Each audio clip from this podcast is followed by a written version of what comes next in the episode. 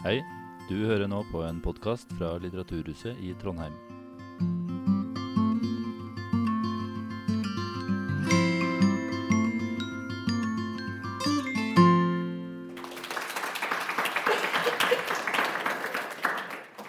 Hei sann. Vi er um, Men er det bra? Vi har lest disse fire bøkene. De veier godt. Eh, vi begynner for så vidt å bli en institusjon på denne utleveringen av prisen. Det er tredje gang vi har et kritisk panel som diskuterer eh, hvorvidt juryen kommer frem til riktig bok når de eh, gir sin pris. Og det skal vi også gjøre i dag. Vi skal i hvert fall prøve å løfte frem disse fire bøkene som er funnet verdig til å være de fire på kortlisten til NTNUs litteraturpris. Vi skal si litt om hva de handler om, hva de ønsker å si oss. Og eh, vi skal også bryne oss litt med å vurdere de og hva vi har tenkt på underveis når vi har lest. Vi kan eh, allerede nå si at det er ca. 1600 sider det er snakk om. To tredjedeler av de 1600 sidene er skrevet av menn. Mens de to kvinnene har fattet seg i korthet, poengtert på 250 sider, så bruker menn i hvert fall 550 sider hver. Så der har vi et utgangspunkt å uh, ta tak i. Vi skal prøve så godt vi kan på en time nå å løfte frem disse bøkene. Um, og vi vil gjøre en kort runde først med å diskutere og løfte frem så å si, hva er det denne boken vil, og hva er det den handler om. Og så skal vi gå litt mer inn i vurderingene av de etter hvert. Ehm, vi eh, er uhildete lesere, dvs. Si at vi ikke vet hvem som kommer til å vinne denne prisen. Vi eh, har eh, ønsket og heller ikke fått innblikk i vurderingene. så Det vil si at eh, det som vi sier nå, er nødvendigvis ikke representativt for hvordan juryen har tenkt. Ehm, vi skal forsøke så kort vi kan å presentere bøkene før vi gyver løs. Og vi kan begynne med folkevord og stemmene etter 22.07. Ja, dette er altså eh, stemmene etter 22. juli, som er skrevet av Ingvild Folkvåg. Hun er professor i tysk litteratur ved NTNU. Øh, boka undersøker en rekke ulike respons etter terrorangrepet i 2011, med utgangspunkt i disse ulike stemmene. Eh, og Folkvord taler om stemmer som noe relasjonelt og sosialt, som skaper en forbindelse mellom den som uttrykker seg, og den som er publikum. Uh, og Undersøkelsen består av en rekke nærlesinger av disse ulike uh, stemmene. Fra statsministerens sin helt fysiske, lydelige stemmen i minnemarkeringen umiddelbart etter angrepet, over en rekke stemmer i rettssalen til en rekke ulike litterære stemmer, skjønnlitterære sakprosastemmer. Og Gjennom disse der viser folk hvordan hendelsen har blitt gitt en form og har vært gjenstand for forhandling. Um, en forhandling som ofte handler om hvem vi som de responderende samfunn er. Ja. Det var kort om den bok. Ja, eh, den neste boka eh, er 'Wehrmacht i Norge' av Torgeir Sæverås. Eh, Torgeir han er historiker og forfatter som har et stort faglig spenn fra romerske legionærer til Orkdals historie til, fra istiden til 1600. Eh, han har også skrevet en roman, eh, minst én. Eh, og eh, selv om han eh, jobber veldig bredt, så er det eh, ganske tydelig, både faglig og som sakprosaforfatter, at hjertet hans ligger i andre verdenskrig. Og uh, Utgangspunktet for denne boka er jo uh, det kanskje litt paradoksale at uh, under andre verdenskrig så var en sjettedel av menneskene innenfor landets grenser det var tyske soldater i Wehrmacht-uniform. men likevel så vet vi ganske lite om dem. de er allestedsnærværende i krigshistorien, men likevel lite til stede i historieskrivninga. Og Det eh, er det flere historikere før som har påpekt at dette er kanskje den største delen som mangler fra norsk historieskrivning. Eller én av de største delene som mangler. Eh, og det er det eh, Torgeir da eh, setter seg for å gjøre noe med.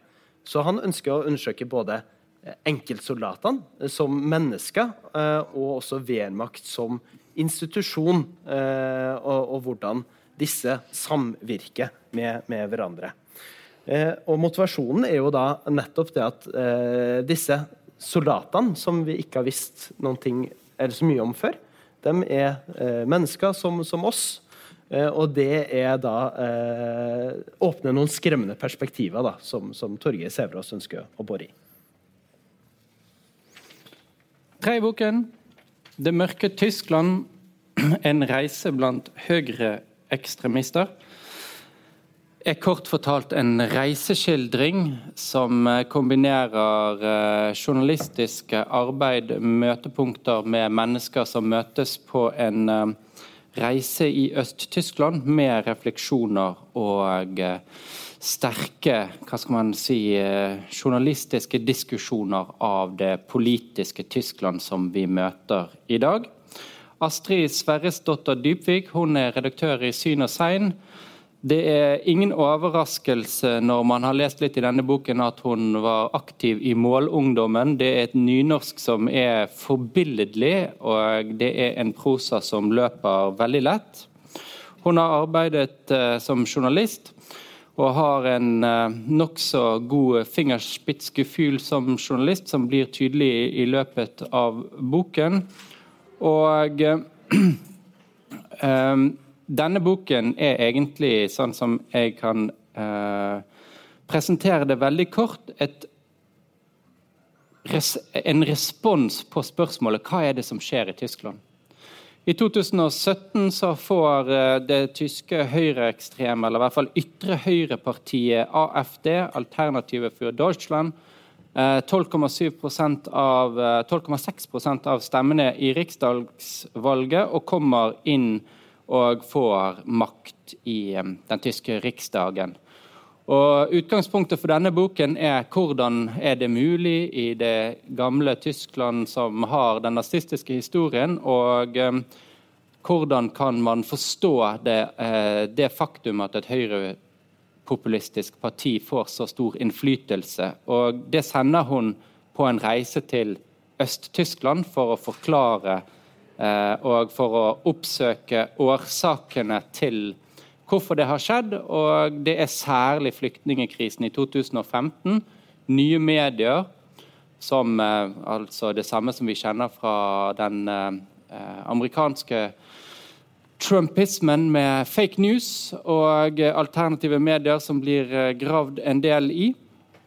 Og så er det at Dypvik går inn og trekker opp også hun eh, har en historikerbakgrunn, mastergrad i historie, og viser til uh, tysk historie, særlig den nazistiske arven, men også delingen av Tyskland og uh, det faktum at store, den store velgermassen til Alternativ for Tyskland er i øst, mens alle, i hvert fall nærmest alle som er i partiledelsen, kommer fra vest. Den eh, siste boka som er nominert, Bjørn Erik Hansen, 'Dynamitt i borehullene'. Eh, Trondheim faglige samorganisasjons historie 1870 til 2020. Eh, Hansen han er forfatter og dramatiker. Eh, også han eh, jobber over et vidt felt. har flere biografier under beltet. fra Kirsten Heiberg til, til Ole Lukkøye. Uh, og uh, også uh, skrev manus til, til dokumentarfilmer. så um, han er åpenbart veldig interessert i mennesker og biografiske tilnærminger. Og det er også det som er tilnærminga i denne boka, som er organisert ikke som en tematisk-kronologisk framstilling av samorganisasjonen og dens gjørende og levende, men heller ni sentrale personer som, har, eh, som er valgt ut fra aktualitet, eh, ulike temaer, også ulike fraksjoner eh, i eh, samorganisasjonens eh, historie, eh, som man da ønsker å, å undersøke. Premisset er at eh, fagorganisasjonen eh, er en sentral institusjon i det norske samfunnet, men den er eh, underfortalt og eh, underkommunisert. Eh, selv om den fungerer som et slags usynlig bindeledd mellom, som eh, Hansen skriver, eh, arbeidsfolket og nasjonen. Så det er det han setter seg for å, å, å gjøre noe med.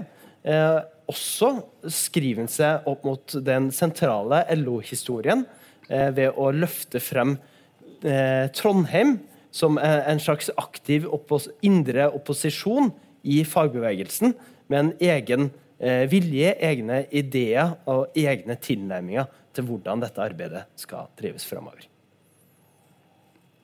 Det er jo en helt håpløs uh, situasjon vi står i her, uh, når vi skulle liksom kun, altså, I det vi skulle funnet ut hva er det som går an å sammenligne her, det er fire nokså forskjellige bøker med fire nokså forskjellige prosjekter.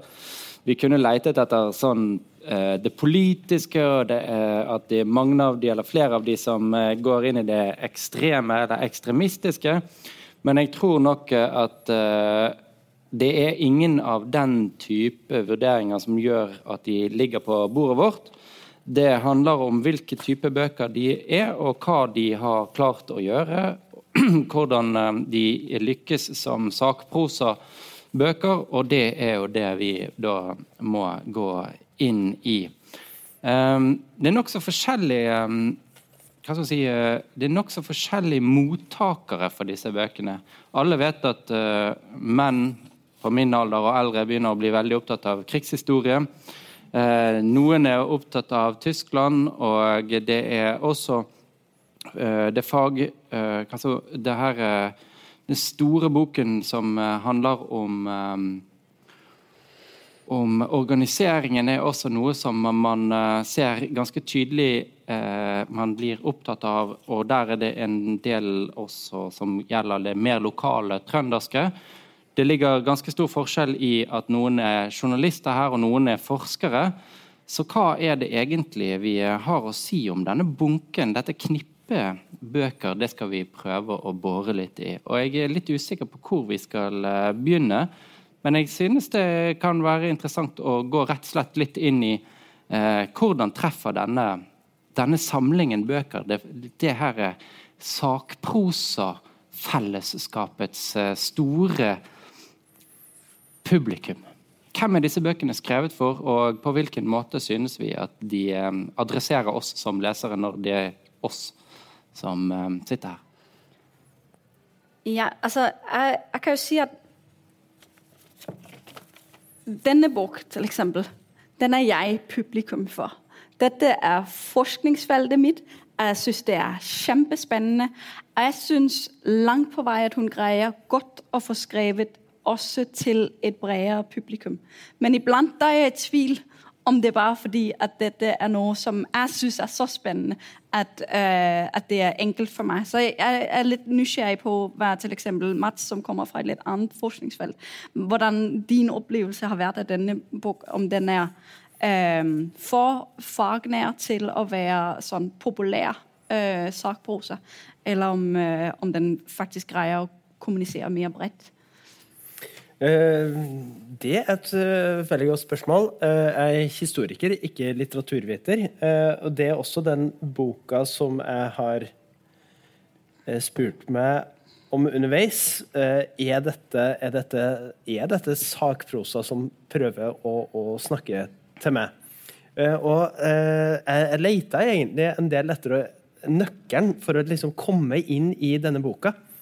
Eh, og fant den egentlig først da jeg begynte å bla litt framover i boka, og kom helt til eh, slutten. Eh, det siste setningen som er skrevet i boka, hvor forfatteren forteller at eh, arbeidet med boka eh, har også vært prega av samtaler hun har hatt med en eh, nær og modig venninne som mista sin sønn på, på Utøya.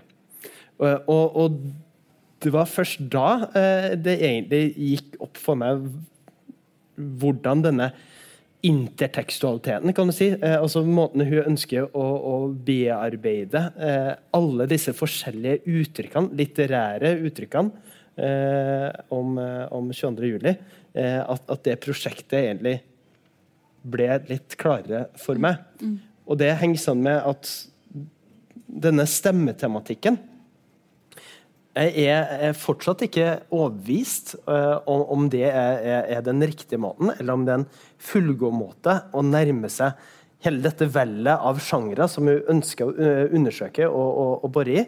Uh, nettopp, rett og slett fordi at det er det kan favne menneskestemmen, sånn høres ut. Det kan være stemmen som en litterær posisjon eller en type uttrykk for en enkelt forfatter. Eh, det er ikke alltid jeg ser hva hun mener når hun snakker om en stemmetematikk. Eh, men så gjør det kanskje ikke så mye allikevel for meg som leser, fordi behandlingen av tekstene eh, er så Den er både nennsom, dyptloddende, og, og den greier også å, å, å få meg med i disse lesningene. Mm. Så, sånn sett syns jeg det, det, er, det, er, veldig sånn sett fungerer det som sakprosa også for en, en ikke-fagperson.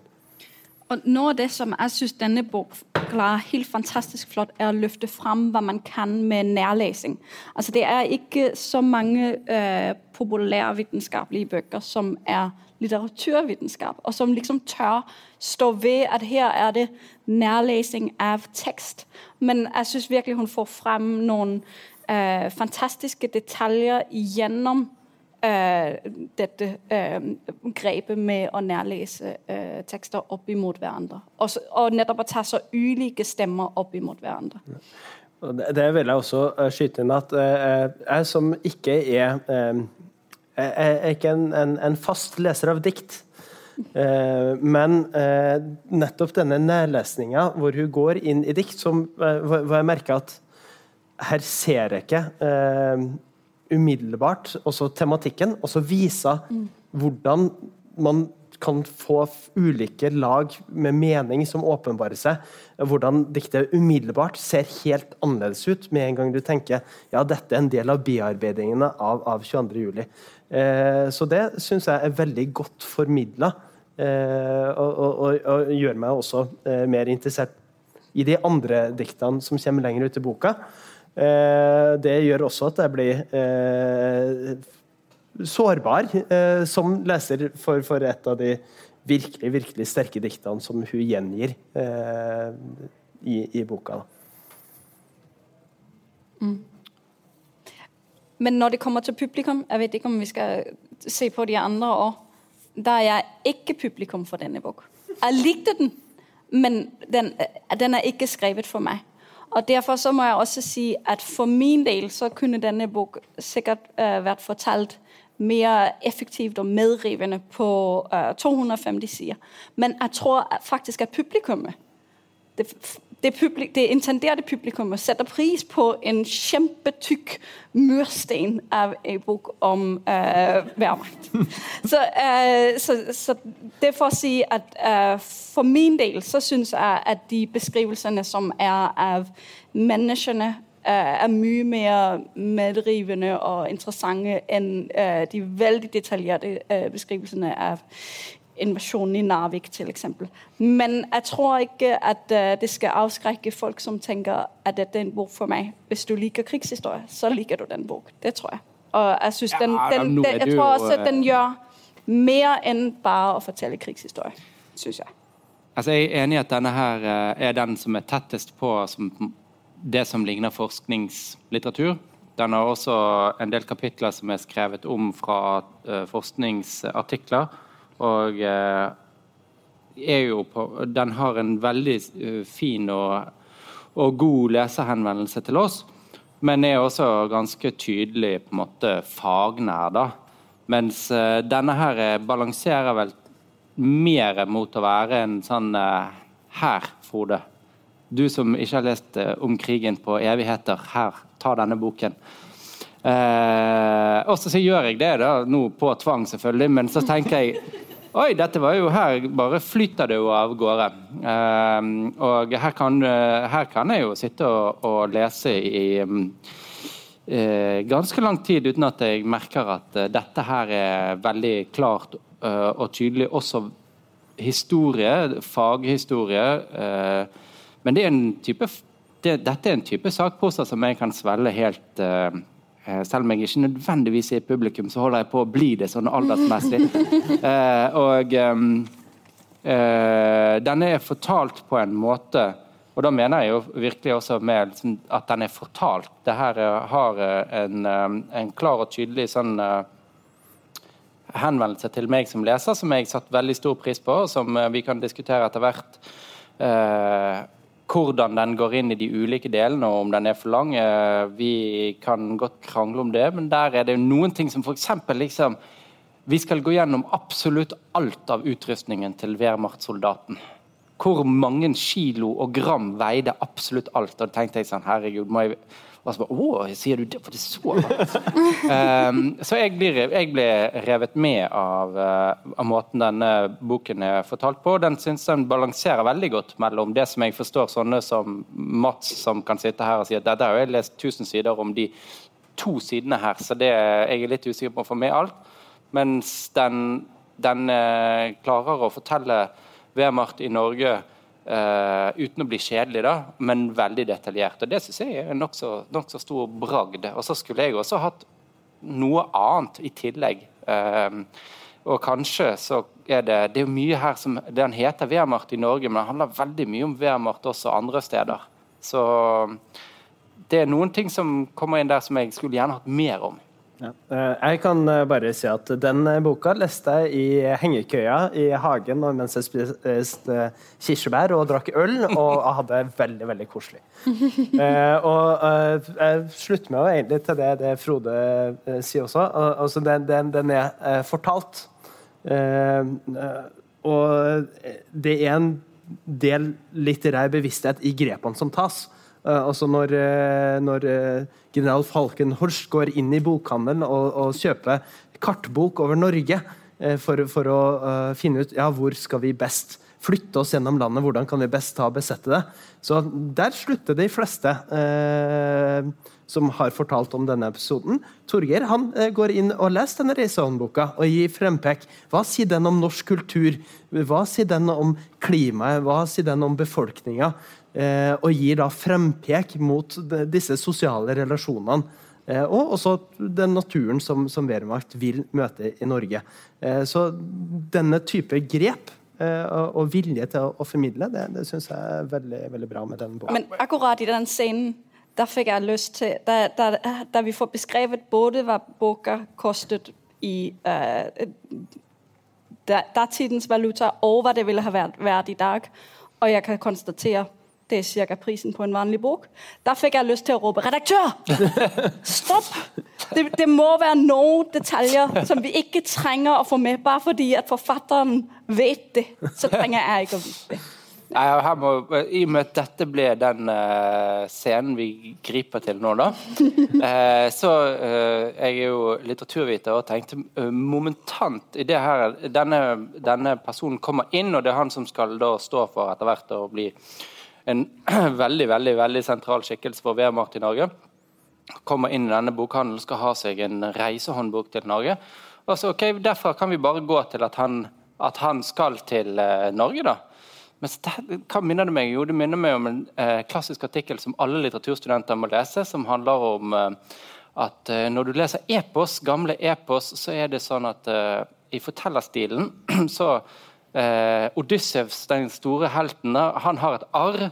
Og når det blir fortalt i det eposet at han har et arr, så kan du ikke unngå å fortelle hele historien for hvordan det arret ble funnet. Altså, hvordan, hvor, hvorfor, hvor kom det arret fra? Og Det samme gjelder jo da. Ok, Her kommer det en mann inn i bokhandelen. Han skal ha denne boken. Hvorfor skal han ha den? Da får vi ca mener det ganske nøyaktig tolv sider om hans livshistorie før, hvor han har vært, hvor han kommer til å dø. alt sånt. Boom! Tolv sider etterpå så kommer vi tilbake igjen, og boken tar han med seg, og han skal gå og presentere en plan. Eh, og det, det, det, har noe med den komposisjonen. Da. Her skal det fortelles, og det bare tenkte jeg var helt nydelig. Uh, det, det, her, det, er ingenting Hvis det kommer liksom, Du har liksom, disse Tsjekhovs pistol. Hvis det kommer en pistol, så kommer den til å bli brukt. Her er det sånn, Hvis det er noe som blir fortalt, så må vi vite bakgrunnen. Og det om det tar lang tid, så kommer det liksom Og så kommer vi tilbake igjen til fortellingen. Denne derimot, som er eh, en mer journalistisk eh, henvendelse til oss som nordmenn, den er min, mye mindre forskningsorientert. Den henvender seg til eh, oss som jeg har, jeg har, bodd et år i Tyskland og ble veldig overrasket av en del ting, men som, som virkelig henvender seg til alle. Denne boken her, den er du som ikke vet så veldig mye om Tyskland. Nå skal jeg fortelle deg om hvordan politikken i Tyskland egentlig eh, har vært den siste tiden.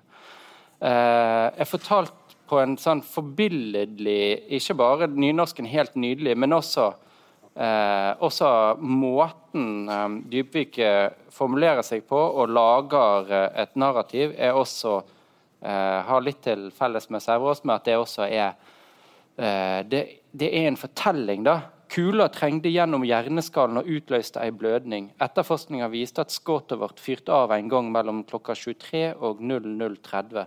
Inngangsåret var så lite og unnselig at ingen tenkte at den 65 år gamle mannen var blitt skutt i hovedet. Det er kapittel 1s åpning.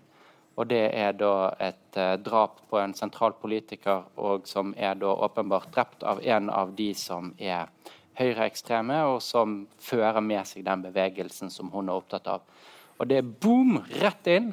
Um, og det, her trenger ikke vi å kunne noen ting, synes jeg, på, mm. på forhånd. Hvis vi har lest uh, hvis vi liker å lese Morgenbladet, så elsker vi å lese denne boken. Absolutt. Og jeg syns at den, den, er veldig spennende, og den er veldig uh, velfortalt.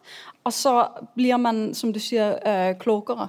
Den er et veldig imponerende miks mellom reportasje med enormt fine personskildringer og politisk kontekst og historisk bakgrunn, slik at den liksom hele tiden vekselvirker mellom den, det øyeblikket som er ved å bli fortalt om, og så den større konteksten som vi liksom må ha med for å skjønne dette. Så det er en bok som gjør en mye klokere både på uh, et samtidsfenomen, men også på uh, den historiske, de historiske røttene til den nåværende situasjonen. En ting som hun også gjør eh, forbilledlig godt, eh, er at hun eh, på en eh, veldig eh, behendig måte eh, forteller om forbindelser og sentrale trender i tysk tenkning mellom tyske filosofer, mellom tysk litteratur og disse personene som etter hvert blir sentrale i den høyreekstreme bevegelsen i, i Tyskland. Uh, og, og, Vanligvis så er jo et problem eh, som i hvert fall jeg har som leser av sånn type tekster, det er at er det, ja, du viser at den forfatteren har lest den, og han har vært veileder for han på doktoraten. Hva er egentlig forbindelsen? Hva er, hva er relevansen av disse, disse mulige koblingene? Eh, og det her hennes styrke kommer ved at hun er journalist. Så hun får også disse menneskene i tale. Og, og da kan hun også undersøke har det noen ting å si at eh, Ernst Jungers eh, bok ble en inspirasjonskilde for eh, en filosof som senere ble veileder for en annen, og så opp, går de sammen om å opprette et bibliotek for konservativ litteratur. og I det, i det biblioteket står Fjordmann og Knut Hamsun. Har det noen ting å si? Ja, det har noen ting å si, fordi eh, disse sentrale premissleverandørene de møter hverandre. Eh, noen av dem gifter seg fordi at de har en felles forkjærlighet for markens grøde. Og da plutselig så ser du at disse her, eh, lange utviklingstrekkene i, i, i, vestlig tenkning og høyreekstrem tenkning, altså de er virksomme i mennesker. Hun får menneskene i tale og viser at ja, for dem er det ikke bare ideer, men det er ideer som omsettes til handling. Mm. Så, så, det er en veldig det, styrke med boka. En av de, altså, Dybvik har kanskje ikke tenkt over at uh, hun, uh, hun uh, gir helt åpenbart et godt argument for at uh, Hamsuns politikk er veldig tydelig når de to fremstående høyreekstreme i nye Tyskland blir gift pga. Uh, markens mm. grøde for interessen sin. Det er en vakker kjærlighetshistorie.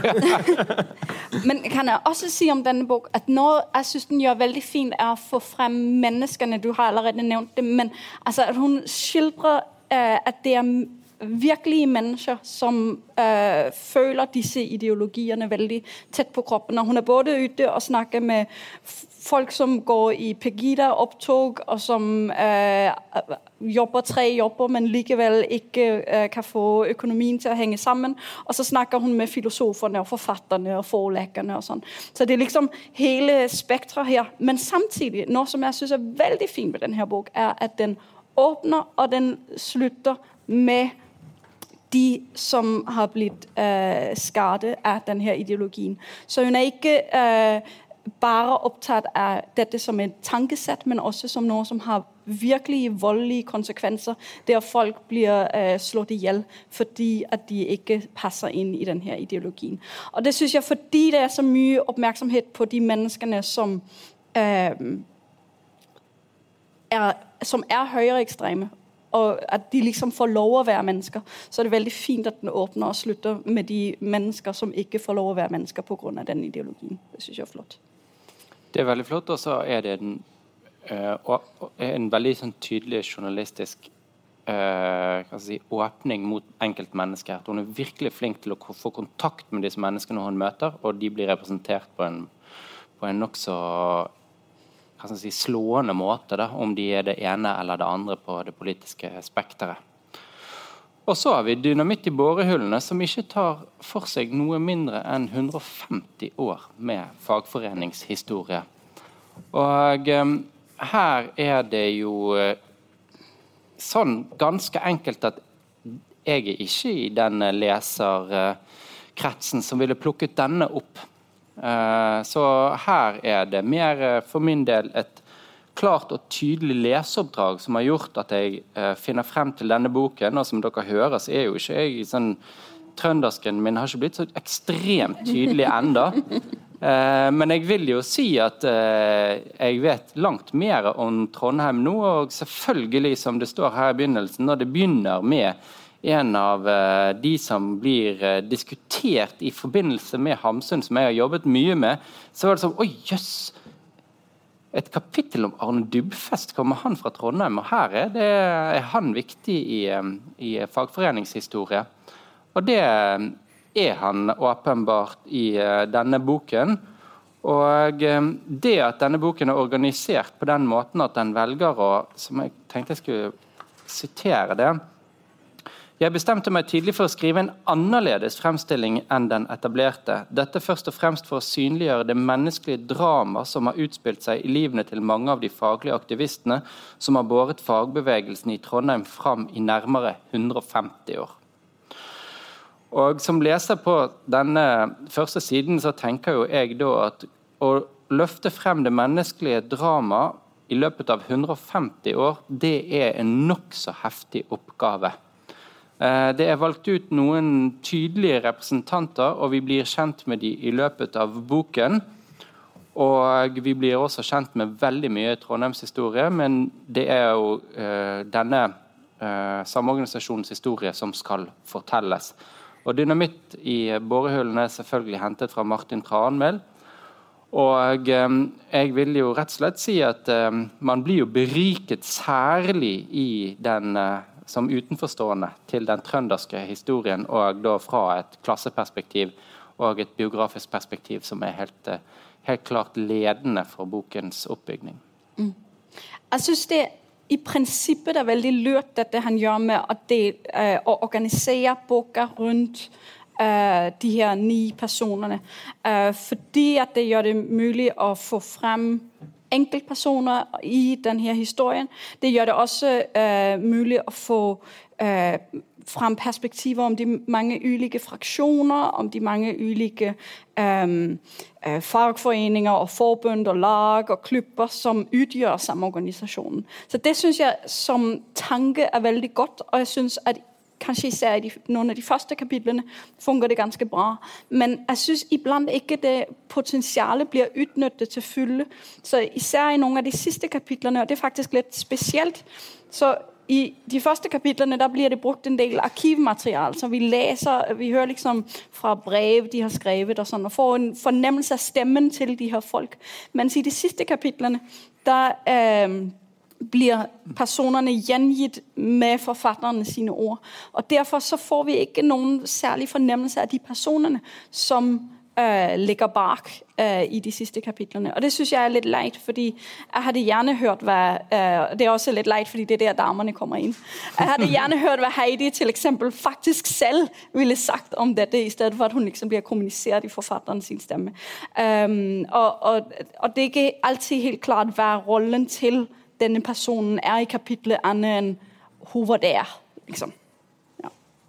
Jeg tenker jo at denne boken har Frode veldig godt av å lese. Eh, eh, ikke minst fordi at den også viser eh, det, Ellen har et veldig klart blikk for hvordan eh, fagbevegelsen og, og byen eh, vokser frem sammen. Eh, hvordan muligheten, industrialisering skaper behov for nye boliger. Bygging av boliger skaper behov for ny arbeidskraft. Du får fremvekst av, av eh, laug for malere og murer, og, og, at dette henger veldig tett sammen når det gjelder å gi et preg på byen, og også byens politiske liv.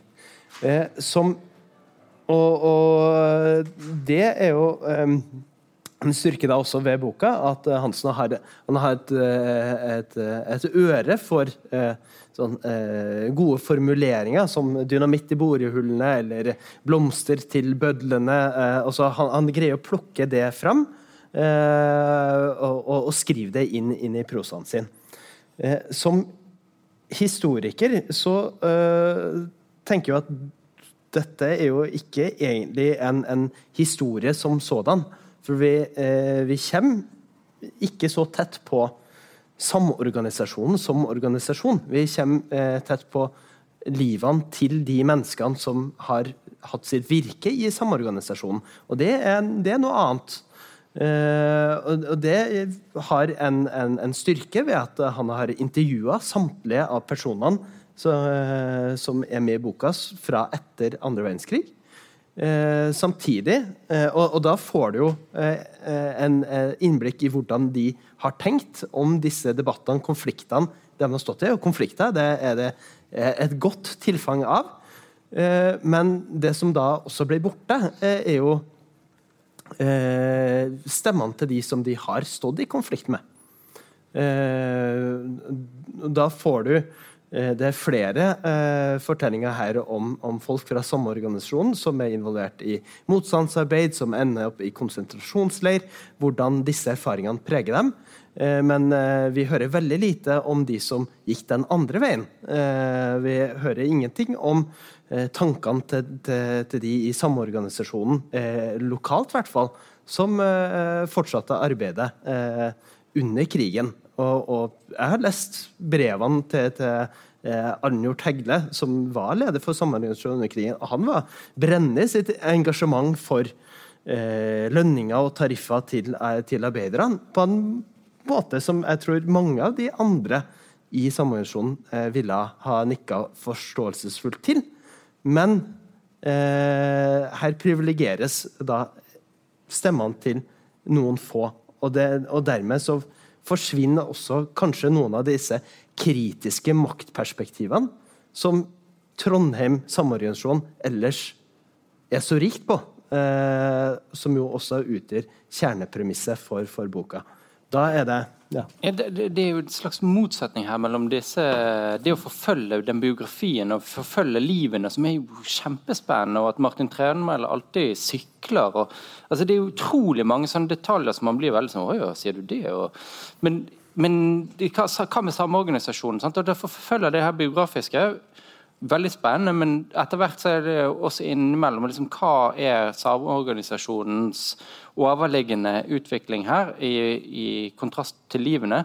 Og Der tenker jeg at eh, Hansen faller for en fristelse som jeg skulle gjerne sett. Altså Som er litt sånn uh, innimellom at det, blir, det, det, er veldig spennende, men jeg får ikke helt tak på samorganisasjonens utvikling.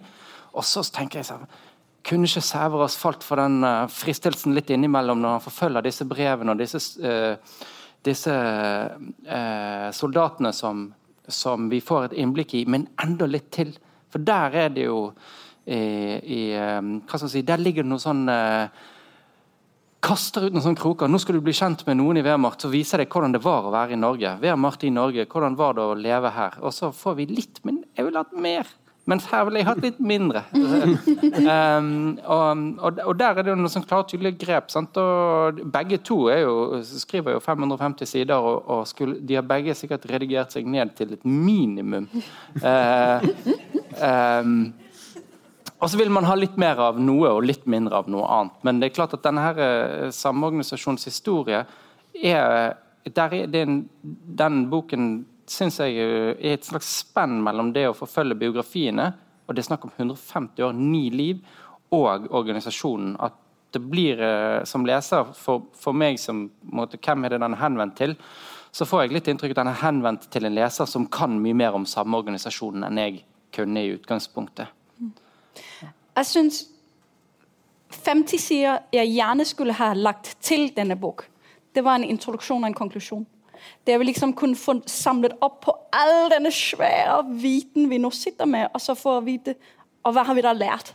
Fordi det, Man fortaper seg altfor lett i alle detaljene. Så øh, jeg, jeg, skulle gjerne hatt en, et lengre forord som ikke bare sier litt sånn om skillebruk, og sånn, men som sier noe mer om hva er det men vi skal lære nå. Og så en, en, konklusjon til sist, eller i hvert kapittel, som liksom sier hva, hva har vi lært nå? Fordi det er som om at kapitlene heller ikke forsøker å gjøre status over seg selv. Men jeg synes, øh, som tilflytter til Trondheim Mitt trøndersk er heller ikke så bra ennå. øh, så syns jeg at dette har vært en fantastisk flott innsikt i lokalhistorie. Og en, en spennende linse til å forstå lokalhistorie. At vi liksom øh, jeg visste ikke noe om kampen om trekken. Jeg trodde bare det alltid hadde vært den trikk vi har i dag. Og øh, for bevaring av industriområder og sånn. At det er liksom mange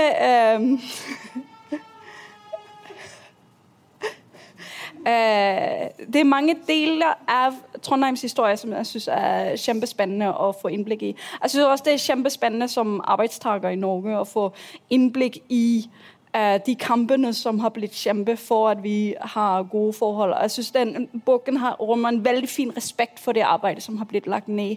Uh, nesten heltedyrkelse iblant av det arbeidet som har blitt lagt ned i samorganisasjonen for at vi alle sammen har uh, gode uh, arbeidsforhold. Eller i hvert fall ikke så dårlige som de kunne vært. Det kunne jo vært litt bedre. Men du får et blikk nedenfra, da, som er får løftet opp virkelig virkelig på en måte eh, Blikket nedenfra blir jo ekstremt internasjonalt. Og det må jeg jo si at uh, jeg kan jo ha mine uh, ideer og meninger om Trondheim som en provinsby, men i denne boken så skal du lete lenge etter en mer internasjonal norsk by enn en samorganisasjonens begynnelse, som handler om USA og etter hvert handler veldig mye om Sovjet. og veldig veldig tydelig at uh, når man forfølger disse enkeltpersonene, så forfølger man liksom noen globale trender som er Du kan ikke bare fortelle denne fortellingen ut fra Trondheim. Og det syns jeg jo er, er nokså nok godt, godt sammenfattet. i den, uh, egentlig så viser jo boka hvordan samorganisasjonen er en slags sånn parallell til Forest Gump.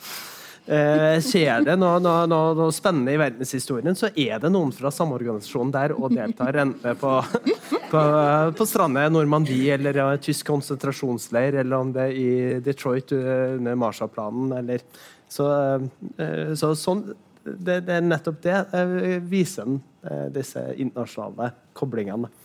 Så det er ikke så lokalt som dere tenker. Altså, jeg vil eh, rett og slett eh, Det er mange ting vi må, vi må, gå inn i når det gjelder disse fire bøkene som vi ikke kommer til å få tid til å, å gå inn i. Men nå har vi jo vært eh, nå har vi jo vært velvillige lesere. Nå har vi jo uh, virkelig løftet frem det gode i disse bøkene. Så nå er det på tide også å, å løfte frem liksom, hva er det vi savner. Hva er det som um, er um, trøbbel i disse bøkene. Ser du på meg? Ja. det var et kvarter igjen. Må, det, det, det, det, begynner å nærme seg en utdeling her. Ja, ja jeg kan ta uh, Torgeir. Der er du. Hei. Nå kan du fyre løs. Nå kan du fyre løs. Boka har et tydelig prosjekt Eh, den skal fortelle om menneskene og organisasjonen. Eh, den skal også vise fram Wehrmacht som en eh, nazistisk ideologisert organisasjon. Eh, og hvordan dette eh, griper gjennom alle deler av organisasjonen. Eh, For oss, der- ikke, altså for oss ikke-historikere som har lest side opp og side ned om Wehrmacht, vil jo si ja vel, men det er ikke det helt gitt at de var ideologiserte. Det er jo en av de tingene som, som er på en måte Etter å ha lest boken, er jo åpenbart at de var ideologiserte. Men ikke det også er helt gitt i utgangspunktet. Nei, det er ikke gitt i utgangspunktet. For det, dette er jo også noe om den boka handler om. Og, og, og eh, også lar, lar henge litt. Altså hvor, hvor kommer eh, ekstrem ideologi fra? Hvordan lever menneskene det ut? Eh, hvor omfattende blir det, eh, og avgjørende for hvert enkelt menneskets virke? Og eh, Her vises det til, til forskning. Kast mudde på om, om polarisering og ekstremisme. Men vi, vi lander aldri eh, på noe klart svar, en sånn, nødvendigvis en dypere forståelse av eh, disse protestbevegelsene i, i Tyskland. Og det, det er fortsatt Så etter å ha lest eh, Torgers bok, som jeg er veldig begeistra for, så er jeg ikke overbevist om at han leverer på det prosjektet som han har satt seg for. Vi kan slåss etterpå. Hæ? Det er jo helt åpenbart at de er gjennomideologiserte. Det viser han jo helt, helt tydelig. Problemet med boken er jo at han viser mest det, mens det er jo eh, en av de tingene som, altså Jeg syns egentlig ikke det er så veldig mange problemer med boken, men hvis jeg skulle løfte frem et problem, så er det jo nettopp Wehrmacht i Norge. At det finnes jo De er jo de er jo 400 000 av de i Norge. De får altså tall, Hvis dere er opptatt av tall, sant? det er jo ikke jeg, men når jeg blir presentert i sånn altså blir, Du blir jo helt satt ut. Det er mellom 10 og 40 000 babyer i, på fem år laget mellom norske kvinner og Wehrmacht-soldater. Det er sånn 40 000. Altså Jeg har hørt om tyskertøser, jeg har lest mye om dem, men var det, var det angivelig så mange? Det er jo helt sånn oppsiktsvekkende. Uh, og da tenker jeg liksom, ja, men hva, hva, hvordan, hvordan kunne de gjøre det? Hvorfor har ikke jeg fått lese et kapittel om hva de drev på med?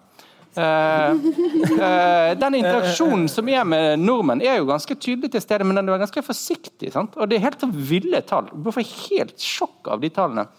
Um, og jeg tenker rett og slett at eh, den ideologiseringen eh, av soldaten, den blir- kjøper jeg i hvert fall helt. da.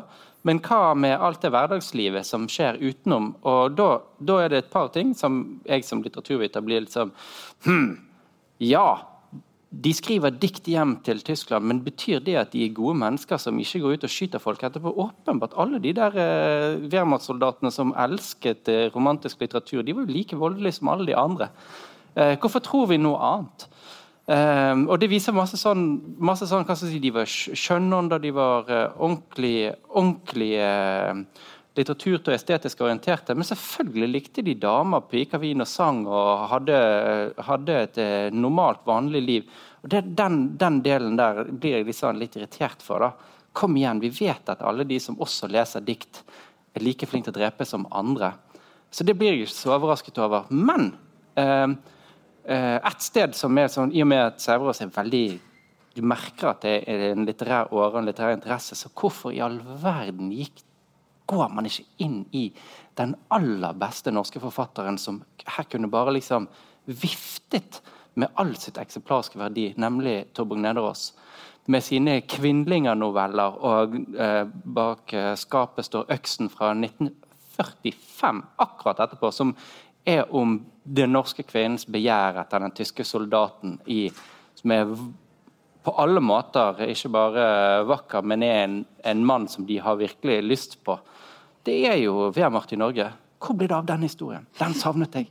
Eh, litt, litt på skeiven, men likevel. Jeg tenker Det ideologiske prosjektet det blir jeg veldig det blir jeg helt eh, overbevist av. Men jeg syns liksom, Hvem var de, hvor kom de fra, og hva foretok de seg i sin daglige tjeneste her oppe i nord?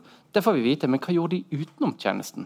Men jeg synes for eksempel, at det er veldig fint, at vi hører om uh, Wehrmacht sin forsøk på å få uh, soldaterne til å stoppe å danse. det, altså, jeg synes det er noen, noen uh, uh, soldater som tar hest med i uh, svømmebasseng og sånn. Altså, jeg synes det er noen veldig fine hverdagslige beskrivelser. Så det, det er der jeg liksom virkelig har sans for boka. Um, jeg tror det som Der jeg var mest sånn øh, Det var da ordet øh, heldemodig ble brukt. Helt som om at dette er et ord vi kan bruke om krigshandlinger. Det, så Da ble jeg helt satt av. Og det var der det ble tydelig for meg at jeg ikke var publikum for boka. Um, men um, Vi får heller aldri vite om det var en tabbe. da. Altså, vi vet jo at uh, vi, På vakt i krigens skjebnesone Nazistene var veldig opptatt av at det kom til å skje et angrep på Norge, og de pøser på med alt mulig. Og de la 400 000 soldater stå her. Men de, var det en tabbe at de ikke liksom, tok de vekk? De tar de vekk til slutt, men var, var det en åpenbar tabbe? At de liksom, det vet, det, jeg fikk ikke vite det. uh, så syns jeg at det er en veldig god oppmerksomhet på hvordan naziregimet betraktet nordmenn som uh, renere finere mennesker enn noen av de andre som ble okkupert under krigen. Uh, og at de derfor skulle behandles med respekt. men nå er godt kunne ha hatt litt mer av, er kanskje om den øh, norske antisemittismen, som øh, blir nevnt så vidt. Men, øh, og jeg snakket med Mats i forkant, han at det er jo ikke bokas prosjekt, og det er sant. Men jeg syns likevel at det er så vesentlig en del av nettopp interaksjonen mellom Eller må ha vært en vesentlig del av interaksjonen mellom øh, tyske soldater og nordmenn. At øh, det, det, skulle jeg gjerne hørt litt mer om den norske rollen i uh, jødeforfølgelsene, til eksempel. Men boken trenger kanskje ikke enda et prosjekt. men, men, nå må vi ikke la oss eh, suge inn av Wehrmacht i Norge, så fascinerende enn en er. For vi har jo et par bøker til, og vi har snakket ganske lite om stemmene etter 22.07. Hvorfor det? Ja, altså jeg synes jo, jeg har veldig stor sans for denne bok. Uh, nå som jeg synes hun gjør fint at hun har noen kritiske, men også rause lesinger av de her uh, ulike tekster. Men iblant så synes jeg kanskje hun er litt for tilbakeholdende med å gi evalueringer av de tekstene. Um, hun, hun, er mer skarp i kritikken av øh, Knausgård og Skjærstad og blir ganske tydelig i kritikken av Listhaug. Men, øh, men ja, altså, ja, ja, det kan vi si. men i, iblant så skulle jeg gjerne hatt litt, litt tydeligere øh, evalueringer av noen av de her tekstene. Hun er jo også ganske uh, tydelig om, om Fjordmann, uh, som uh, Eh, mm. evner å kommunisere godt uh, på blogg, men, men ikke i, i ja, bok. Ja. Uh, men uh, det, det, går igjen dette med stemmemotivet, i hvert fall, hvert fall, for min del, i, i den boka. Og, og, det gjør ingenting at, at, jeg ikke kjøper det organiserende begrepet, fordi det hun, arbeidet hun gjør med hver enkelt tekst underveis, er, er, er så fascinerende å bli invitert med inn i. Er det en bok for alle? Eh, det tror jeg ikke. Eh, Men er det en god bok? Det er det. Det er det faktisk. Jeg syns hun har et helt fantastisk øre for øh, Ikke minst for de faktisk lydlige stemmene. Altså, øh, hun formår å formidle stemmen til øh, kongen i en tale jeg aldri har hørt slik at jeg nesten holder på å gråte når jeg leser det. Og det er ikke pga. innholdet av det han sier, men fordi hun beskriver hvordan stemmen hans nesten holder på å briste. Og den måten hun liksom fremstiller de, øh, de stemmene på, syns jeg er helt eminent. Altså veldig godt skrevet. Det er en veldig tydelig litterær sensibilitet som går gjennom boken, men som også brukes langt utover liksom det klassiske litteraturen, som er da f.eks. Stoltenbergs tale. da, og eh, Det som er prosjektet her, er jo eh, å å gå inn i minnearbeid og det kollektive arbeidet om hvordan har vi nå egentlig behandlet 22.07, og eh, hvordan har vi egentlig diskutert og bearbeidet hva det var som skjedde, hva var det som lå bak. Hvor viser veldig tydelig at noen av bøkene har vært veldig opptatt av ideologi, andre har vært opptatt av noen andre ting, men at det har vært på de ti årene da, eh, så har det vært endringer. Og det kommer jo eh, veldig tydelig til uttrykk i i en altså Hun gjør veldig tydelig sånn nedslag og viser hvordan vi vi tror jo at vi har liksom, jo, men vi har minnes 22.07. på den og den måten. Men det finnes en utvikling, og den har endret seg, og vi var sånn og sånn i begynnelsen. Eh, men så ser vi at det språket vi begynte med det, det, nytter ikke lenger. Vi kan ikke bare si mer i demokrati. og vi skal, det, det er en utvikling der som jeg synes hun peker veldig tydelig på.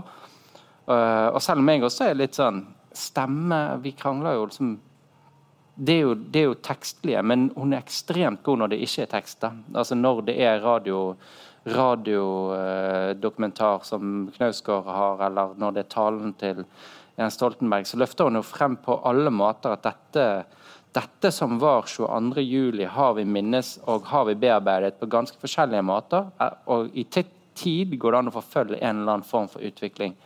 Uh, og det gjør, det gjør hun på veldig tydelig nedslag, tar oss inn, inviterer oss med.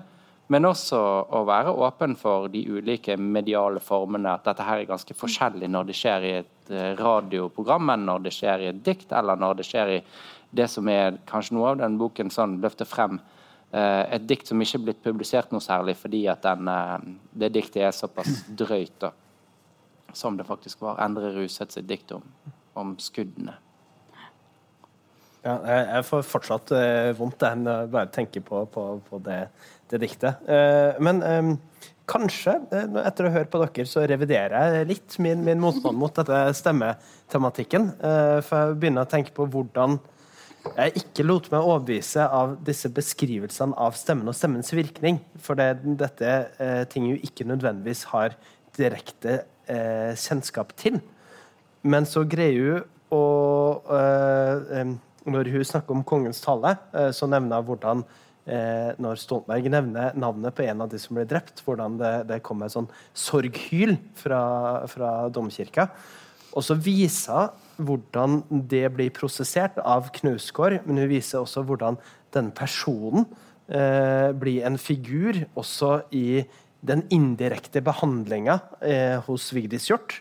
Men så dukker personen opp med hans egen stemme når dette settes opp på uh, teater. Mm. Så det er en slags uh, intermedial intertekstualitet som uh, kanskje kunne ha løfta fram og sagt eksplisitt at her er det mulig å følge en, en slags tråd, og, og, ikke satse så mye på at jeg var våken nok når, når jeg leste boka. Mm. Ja, men det var du vel?